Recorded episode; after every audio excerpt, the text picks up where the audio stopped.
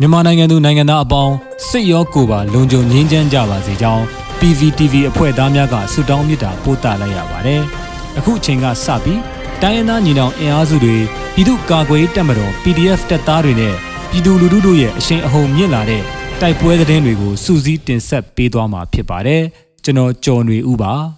။ပထမဦးစွာမုံရွာမှာ CDM ကျောင်းဆရာမနေအိမ်ကိုဖျက်ဆီးခဲ့တဲ့စစ်ကောင်စီတပ်ဖွဲ့များအပြန်၌ မိုင်းဆွဲတိုက်ခိုက်ခံရတယ်လို့ဆီယာမသတင်းစစ်တပ်ထံပေးသူလည်းအသက်ခံရတဲ့သတင်းကိုတင်ဆက်ပါမယ်။စကိုင်းတိုင်းမုံရွာမြို့နယ်ထနောင်းတော်မြောက်ရွာရှိ CDM ဆီယာမတဦးနေအိမ်ကိုအကြမ်းဖက်စစ်ကောင်စီတပ်ဖွဲ့များကဖေဖော်ဝါရီလ26ရက်နေ့မှာဝင်ရောက်ဖျက်ဆီးခဲ့ပြီးနောက်အပြန်မုံရွာအမြင့်လန်းသို့ဆင်းလာစဉ်ဒေသခံကာကွယ်ရေးညီနောင်မဟာမိတ်၅ဘွဲကမိုင်းဆွဲတိုက်ခိုက်ခဲ့ကြောင်းစစ်သားများထိခိုက်ဒေဆုံးမှုအခြေအနေကိုမသိရှိရသေးကြောင်းမုံရွာအမြင့်လန်းသတင်းမှန်ပြန်ကြားရေးအဖွဲ့ကတာဝန်ရှိသူတဦးကပြောဆိုပါရယ်။ဒါ့အပြင် CDM ကျောင်းဆရာမနေအိမ်ကိုစစ်တပ်ထံသတင်းပေးတိုင်ကြားခဲ့တဲ့ပြူစောတိအဖွဲ့ဝင်ဇော်မိုးလွင်ကိုလည်းယနေ့ဖေဖော်ဝါရီလ28ရက်နေ့နနက်6နာရီခန့်မှာ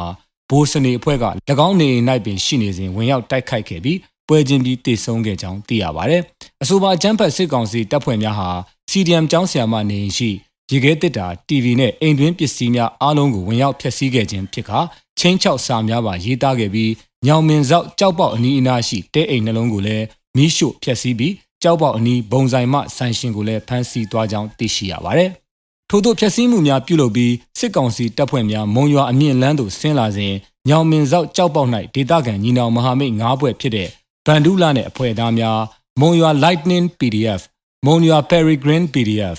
မုံရွာ Black Eagle PDF နဲ့ချောင်းဦး Local Defense Force ကမိုင်းဆွဲတိုက်ခိုက်ခဲ့ခြင်းဖြစ်ကြောင်းသိရတာပါ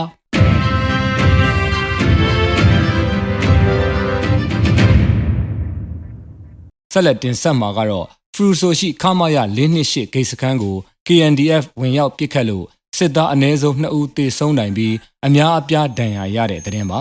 ကရင်ပြည်နယ်ဖရူဆိုမြို့အခြေစိုက်အကြမ်းဖက်စစ်ကောင်စီရဲ့ခမာယ၄နှစ်ရှိဂိတ်စခန်းကိုကရင်အမျိုးသားများကာကွယ်ရေးတပ်ဖွဲ့ KNDF ကဖေဖော်ဝါရီလ26ရက်မှာစနိုက်ပါများလက်နက်ကြီးများဖြင့်ပစ်ခတ်တိုက်ခိုက်ရာ စစ်သားအနည်းဆုံး2ဦးသေဆုံးနိုင်ပြီးအများအပြားဒဏ်ရာရနိုင်ကြောင်းသတင်းရရှိပါရယ်။ KNDF တပ်ရင်း၄နဲ့တပ်ရင်း၈တပ်ဖွဲ့များဟာဖေဖော်ဝါရီလ26ရက်မွန်းလွဲ2နာရီ2မိနစ်မှာခမာယ၄နှစ်ရှိဂေစကန်ကိုစနိုက်ပါဖြင့်ပစ်ခတ်ခြင်းလက်နက်ကြီးများအီနာဂါဘုံးသီးများဖြင့်မိနစ်90ခန့်ပစ်ခတ်တိုက်ခိုက်ခဲ့ကြောင်းသိရှိရတာပါ။အဲဒီနောက်စစ်ကောင်စီတပ်ရင်းကလက်နက်ကြီးများဖြင့်ပြန်လည်ပစ်ခတ်တာကြောင့် KNDF တပ်ဖွဲ့ဝင်များပြန်လည်ဆုတ်ခွာလာခဲ့ကြောင်း KNDF တပ်ရင်းလေးကသတင်းထုတ်ပြန်ပါတယ်။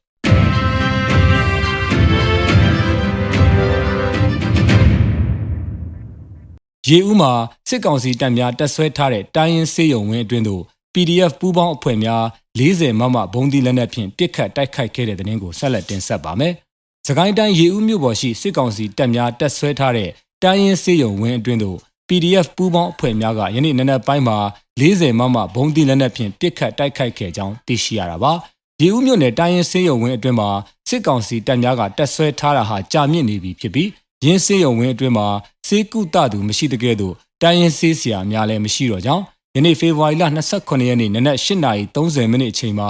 ရေဦးမြို့နယ် PDF ပကဖနဲ့ဒေတာတော်လိုင်းအဖွဲ့ခွဲတို့ပူးပေါင်းပြီး40မမဘုံတီလက်နက်ဖြင့်ပစ်ခတ်တိုက်ခိုက်ခဲ့ကြောင်းသိရှိရပါတယ်။ လက်ရှိအချိန်ထိစစ်သားများတေဆုံးထိခိုက်မှုအခြေအနေကိုမသိရှိရသေးကြောင်းရေဦးပကဖကထုတ်ပြန်ထားပါတယ်။အကြမ်းဖက်စစ်ကောင်စီတပ်များဟာစေယုံများစာတင်ကျောင်းများဖျားစီတီများနဲ့ဘုံကြီးကျောင်းများမှာတက်ဆွဲပြီးအများပြည်သူကိုဖမ်းဆီးညှဉ်းပန်းနှိပ်စက်တပ်ဖြတ်မှုများလှုပ်ဆောင်လျက်ရှိကြောင်းသိရှိရပါတယ်။